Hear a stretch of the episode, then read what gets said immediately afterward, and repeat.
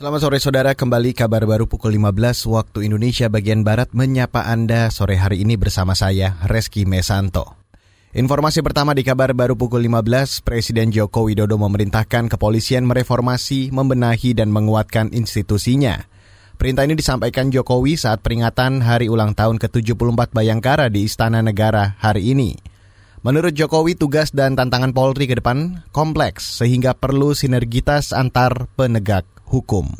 Jajaran Polri harus terus mereformasi diri secara total, selalu berupaya memperbaiki diri untuk lebih profesional dan modern, ubah semua kelemahan menjadi sebuah kekuatan. Saya ingatkan bahwa Polri akan menghadapi tantangan yang semakin berat dan semakin kompleks, mulai dari kejahatan konvensional sampai dengan kejahatan terhadap kekayaan negara.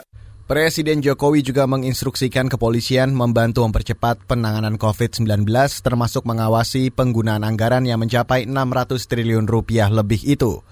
Jokowi juga mengingatkan Polri segera menindak siapa saja yang menyelewengkan dana penanganan COVID-19.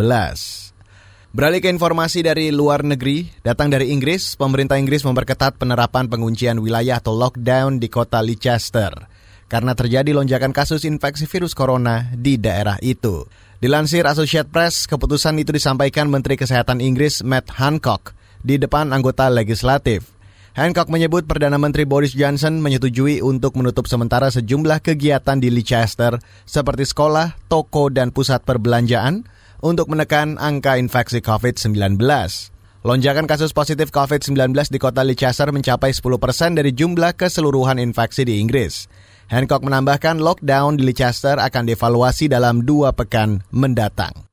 Demikian kabar baru untuk pukul 15 waktu Indonesia bagian Barat, saya Reski Mesanto.